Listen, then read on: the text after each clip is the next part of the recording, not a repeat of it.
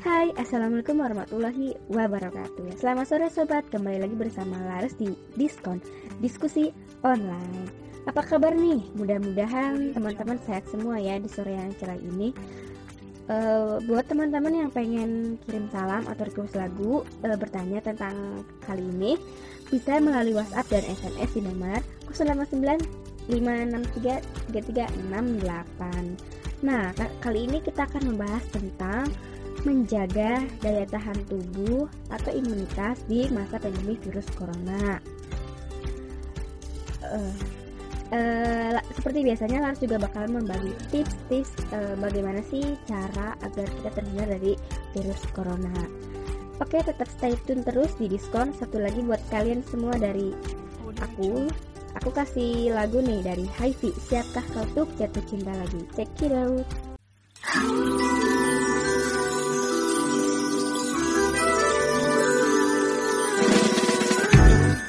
Ketika ku mendengar bahwa Kini kau tak lagi dengannya. Dalam benakku timbul kenyang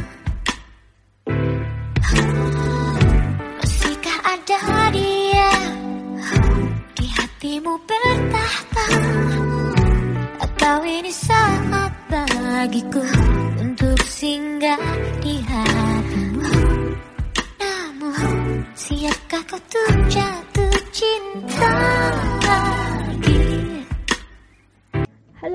kembali lagi di Diskon Diskusi Online. Sambil laras nemenin kalian selesai beraktivitas pulang dari kantor, sekolah, kuliah e, dari mana pun lah ya dari mall atau dari jalan sama doi cie nah pada kesempatan kali ini tentang menjaga, kita akan membahas tentang menjaga kestabilan imunitas di masa pandemi virus corona. Saya akan memperkenalkan e, narasumber terlebih dahulu ya e, yang pasti narasumbernya nggak kalah serunya salah satu narasumber kita e, yaitu dari mahasiswa uh, Islam Indonesia atau Universitas Islam Indonesia Negeri Syekh Syarif Hidayatullah. Nah, namanya Kak Tantri. Nah, Kak Tantri ini siapa? Kak Tantri ini adalah uh, salah satu mahasiswa di uh, Fakultas Kedokteran UIN Syekh Syarif Hidayatullah akan membagi pengalaman atau membagi informasi kepada teman-teman diskon yang ada di rumah. Nah, uh, sambil kita menunggu untuk teman-teman ngirim email uh, kalian bisa uh, bertanya-tanya ya kepada Kak Tantri mengenai uh, mengenai menjaga imunitas tubuh. Oke, okay? jangan ke mana-mana. Saat lagi kita akan berbincang-bincang dengan Kak Tantri. Aku kasih lagu lagi nih satu lagi dari saya misi merangkir yang judulnya Aku Pasti Kembali. Check it out. Ingin rasanya melihatmu mampu bertahan bersama diriku.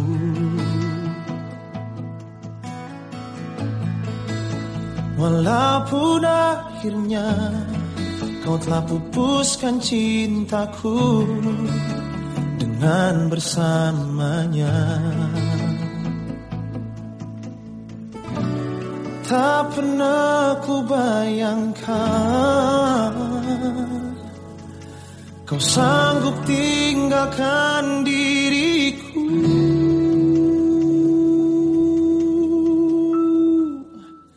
Ini aku Aku berdiri Untuk hadapi Segala pahit di hati.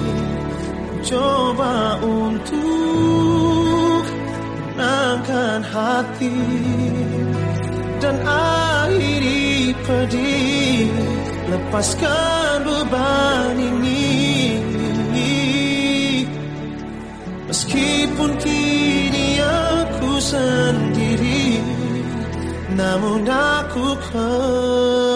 kembali Nah, kita langsung saja yuk ngobrol-ngobrol dengan Kak Tantri. Halo Kak Tantri, gimana nih kabarnya? Pasti sehat dong ya. Oke, kita langsung saja yuk Kak. Uh, ke obrolan-obrolan seru pada kesempatan kali ini.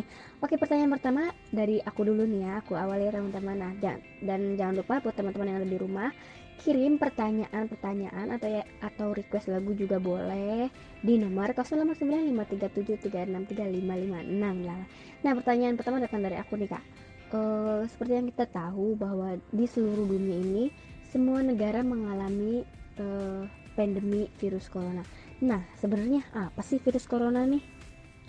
Halo juga Kak Lara, selamat sore kembali. Alhamdulillah sehat. Uh, langsung saja ya aku jawab. Jadi, novel coronavirus merupakan virus penyebab penyakit saluran pernafasan, di mana virus ini masih satu keluarga dengan virus SARS dan MERS. Sedangkan COVID-19 atau biasa yang kita sebut coronavirus ini adalah penyakit yang disebabkan oleh coronavirus jenis baru. Oh, jadi seperti itu ya, Kak. Masih ada kaitannya sama virus MERS apa corona ini masih satu keluarga dengan virus MERS ya kak. Nah oke okay, kak, pertanyaan selanjutnya itu datang dari Tias di Indramayu. Pertanyaannya yaitu eh, apa sih kak yang melatar belakangi munculnya virus corona? Eh, salam-salamnya buat teman-teman sobat diskon aja yang lagi di rumah, yang lagi galau, cia galau. Dan buat uh, Kalaras yang makin cantik aja tiap hari cie. Uh terima kasih. Nah oke okay, langsung saja dijawab oleh Kak Tantri. Iya kak benar. Jadi tuh masih ada kaitannya antara virus corona dengan virus MERS. Nah langsung aja aku jawab ya kak untuk pertanyaan kedua. Apa yang melatar belakangi virus ini muncul? Nah, jadi uh, untuk sejarah singkat terjadinya COVID-19 ini, pada tanggal 31 Desember 2019, negara Tiongkok melaporkan kasus pneumonia atau penyakit radang paru yang tidak diketahui. Dalam tiga hari, pasien dengan kasus pneumonia ini meningkat drastis menjadi 44 pasien dan terus bertambah hingga ribuan kasus, hingga lebih dari satu juta kasus hari ini. Nah, setelah diteliti, kasus pneumonia ini disebabkan oleh infeksi coronavirus jenis beta coronavirus tipe baru yang diberi nama 2019 novel coronavirus oleh pemerintah setempat. Lalu pada tanggal 11 Februari 2020, WHO memberi nama virus baru ini dengan nama Severe Acute Respiratory Syndrome Coronavirus 2 dan untuk nama penyakitnya itu disebut coronavirus disease 2019 atau COVID-19 dan biasa yang kita kenal itu virus corona. Nah, untuk ukurannya sendiri setelah dilihat menggunakan mikroskop elektron, ukuran dari virus ini sangat kecil sekali yaitu 100 sampai 150 nanometer, jauh lebih kecil dibandingkan bakteri. Awalnya coronavirus disebut dengan virus zoonotik, yaitu virus yang ditransmisikan dari hewan ke manusia. Namun setelah dikaji ulang, ternyata virus ini juga dapat menularkan dari manusia ke manusia yang lain, sebagaimana yang telah kita ketahui saat ini. Nah, teman-teman jadi sudah paham kan ya uh, dari mana datangnya virus corona atau munculnya virus corona itu. Nah, buat Tias gimana nih? Sudah uh, tahu ya? Maksudnya sudah paham uh, awal munculnya virus corona ini. Nah, per selanjutnya pertanyaan dari aku lagi nih, Kak. Nah, sebenarnya siapa sih orang yang pertama menemukan bahwa atau men, men uh, menyatakan bahwa virus ini adalah virus corona uh, eh, denger-dengar juga awalnya itu dari seorang dokter ya kak yang ada di Wuhan rumah sakit Wuhan nah itu siapa sih kak sebenarnya nah uh, untuk orang yang pertama kali uh, mengatakan bahwa ini tuh virus corona yaitu uh, dokter Aiven dokter asal Wuhan Cina yang termasuk orang pertama kali melaporkan penemuan pasien terinfeksi virus corona atau COVID-19.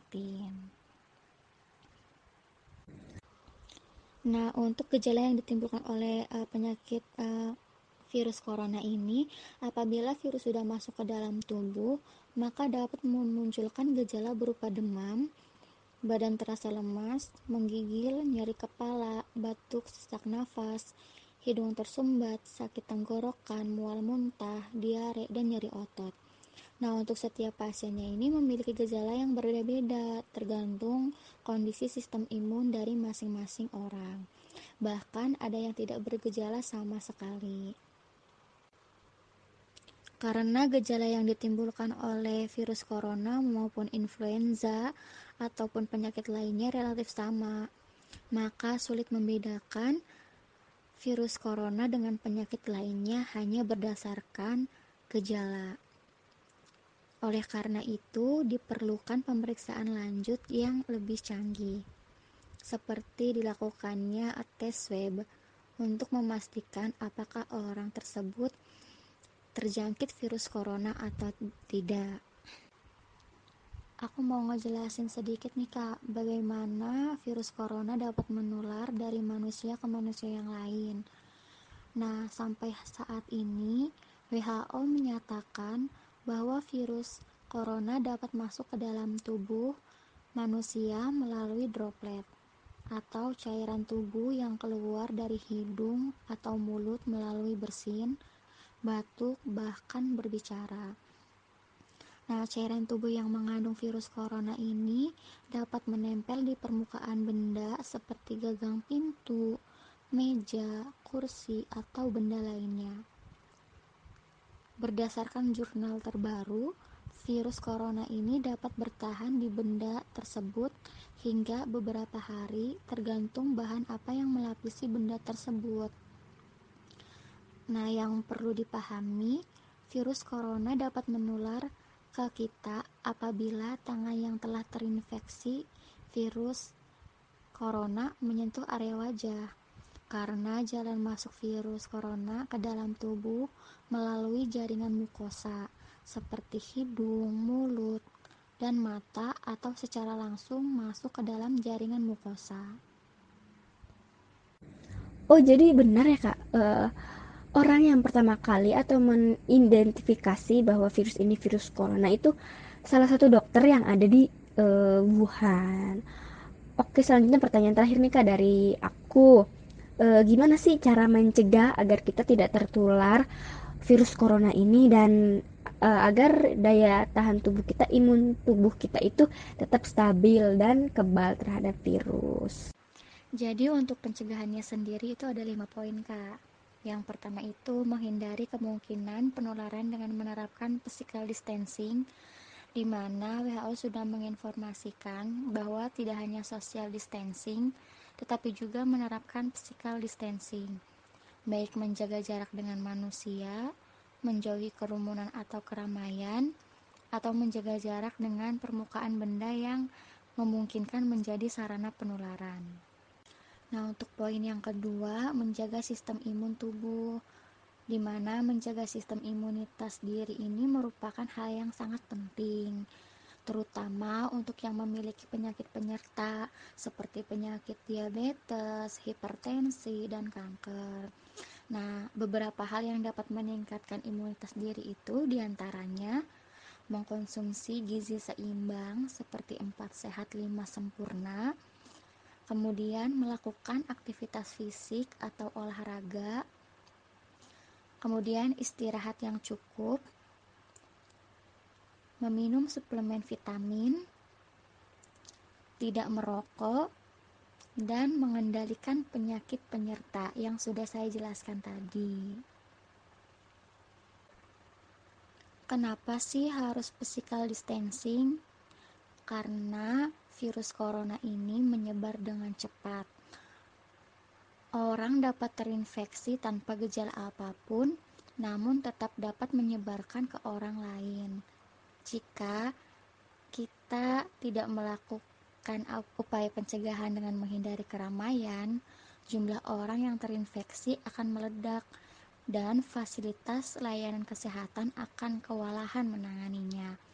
Nah, makanya physical distancing akan mengurangi laju penularan agar pasien yang terinfeksi dapat ditangani hingga sembuh. Nah, untuk poin yang ketiga ini menggunakan masker. Di mana presiden kita telah menghimbau kepada masyarakat yang hendak keluar rumah untuk menggunakan masker. Masker boleh dari bahan kain dengan syarat harus dicuci langsung setelah dipakai. Jadi jangan lupa ya buat teman-teman semua kalau mau keluar rumah jangan lupa pakai masker. Nah, jadi untuk poin keempat ini menerapkan etika batuk atau bersin yang benar, Kak.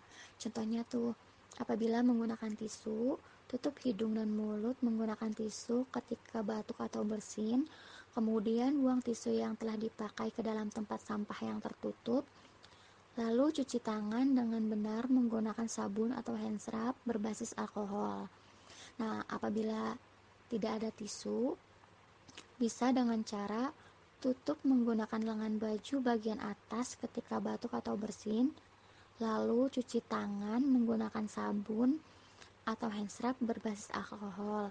Nah, apabila uh, teman-teman semua sedang mengalami tidak enak badan seperti flu atau sedang batuk, jangan lupa memakai masker agar uh, tidak menularkan uh, virus atau bakteri ke orang lain.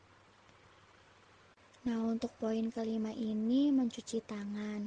Cara mencuci tangan yang baik berdasarkan anjuran WHO itu ada enam langkah. Pastinya teman-teman semua sudah pada tahu kan eh, enam langkah cara mencuci tangan yang benar.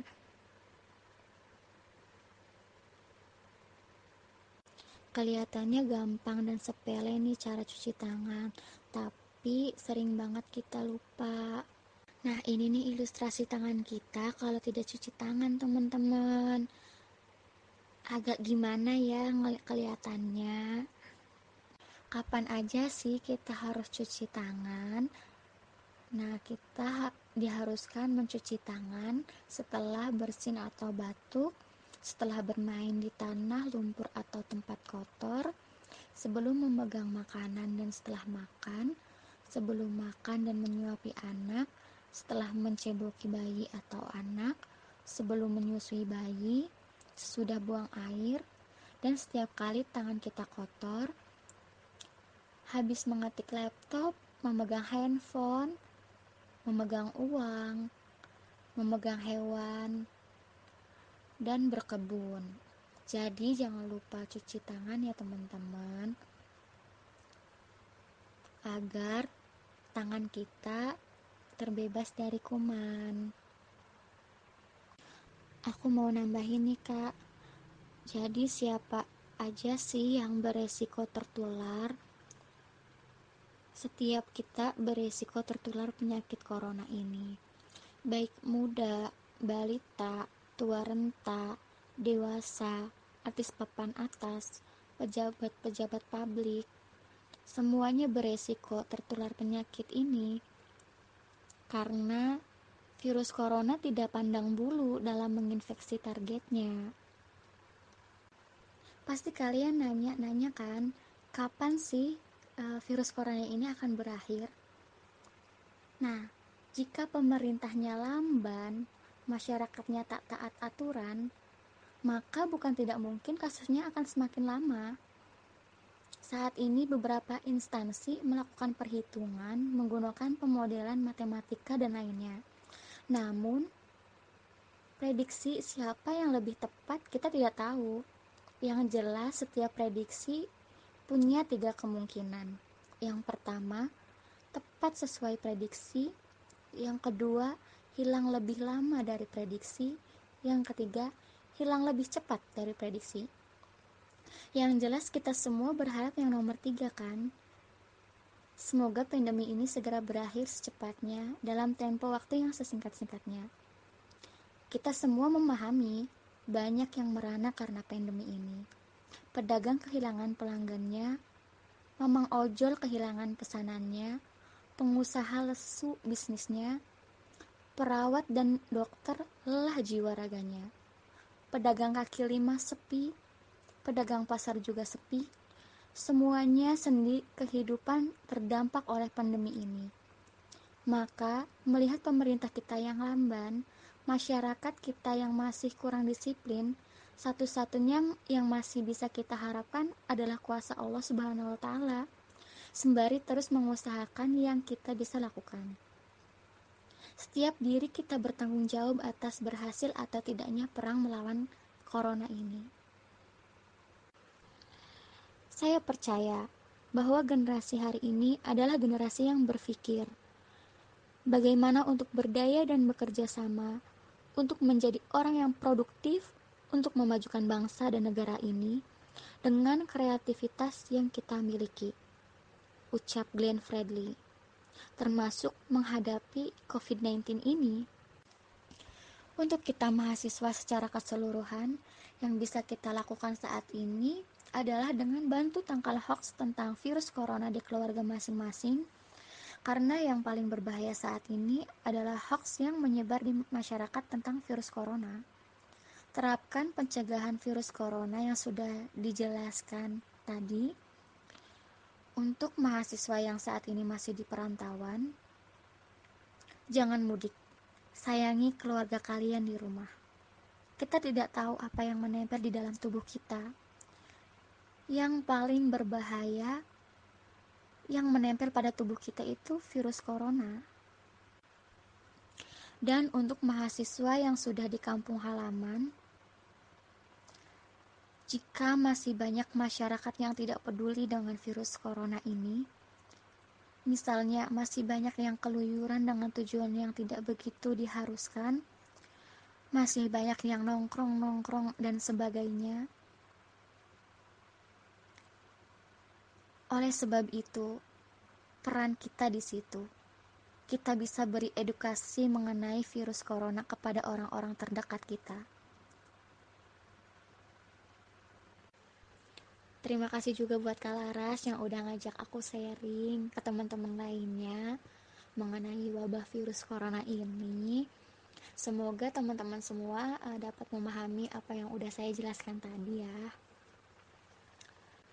Dan mohon maaf ya teman-teman apabila ada kata-kata yang berbeda pendapat gitu atau ada salah kata salah ucapan yang saya omongin Uh, karena saya masih sama-sama belajar juga di sini. Jadi intinya kita sharing aja.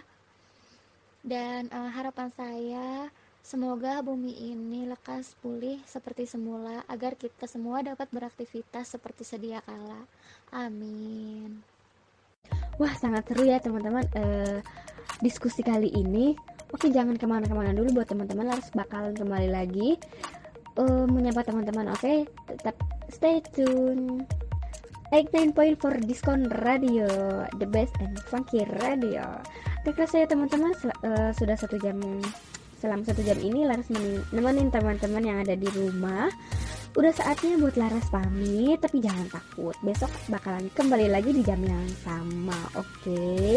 Sampai di sini dulu kebersamaan kita di Diskon diskusi online. Ba maaf kalau ada salah-salah kata dan beberapa mengajukan pertanyaan uh, atau salam-salam yang belum sempat keputar atau sempat kebaca ya teman-teman bisa ada hari esok. Terima kasih untuk kebersamaannya.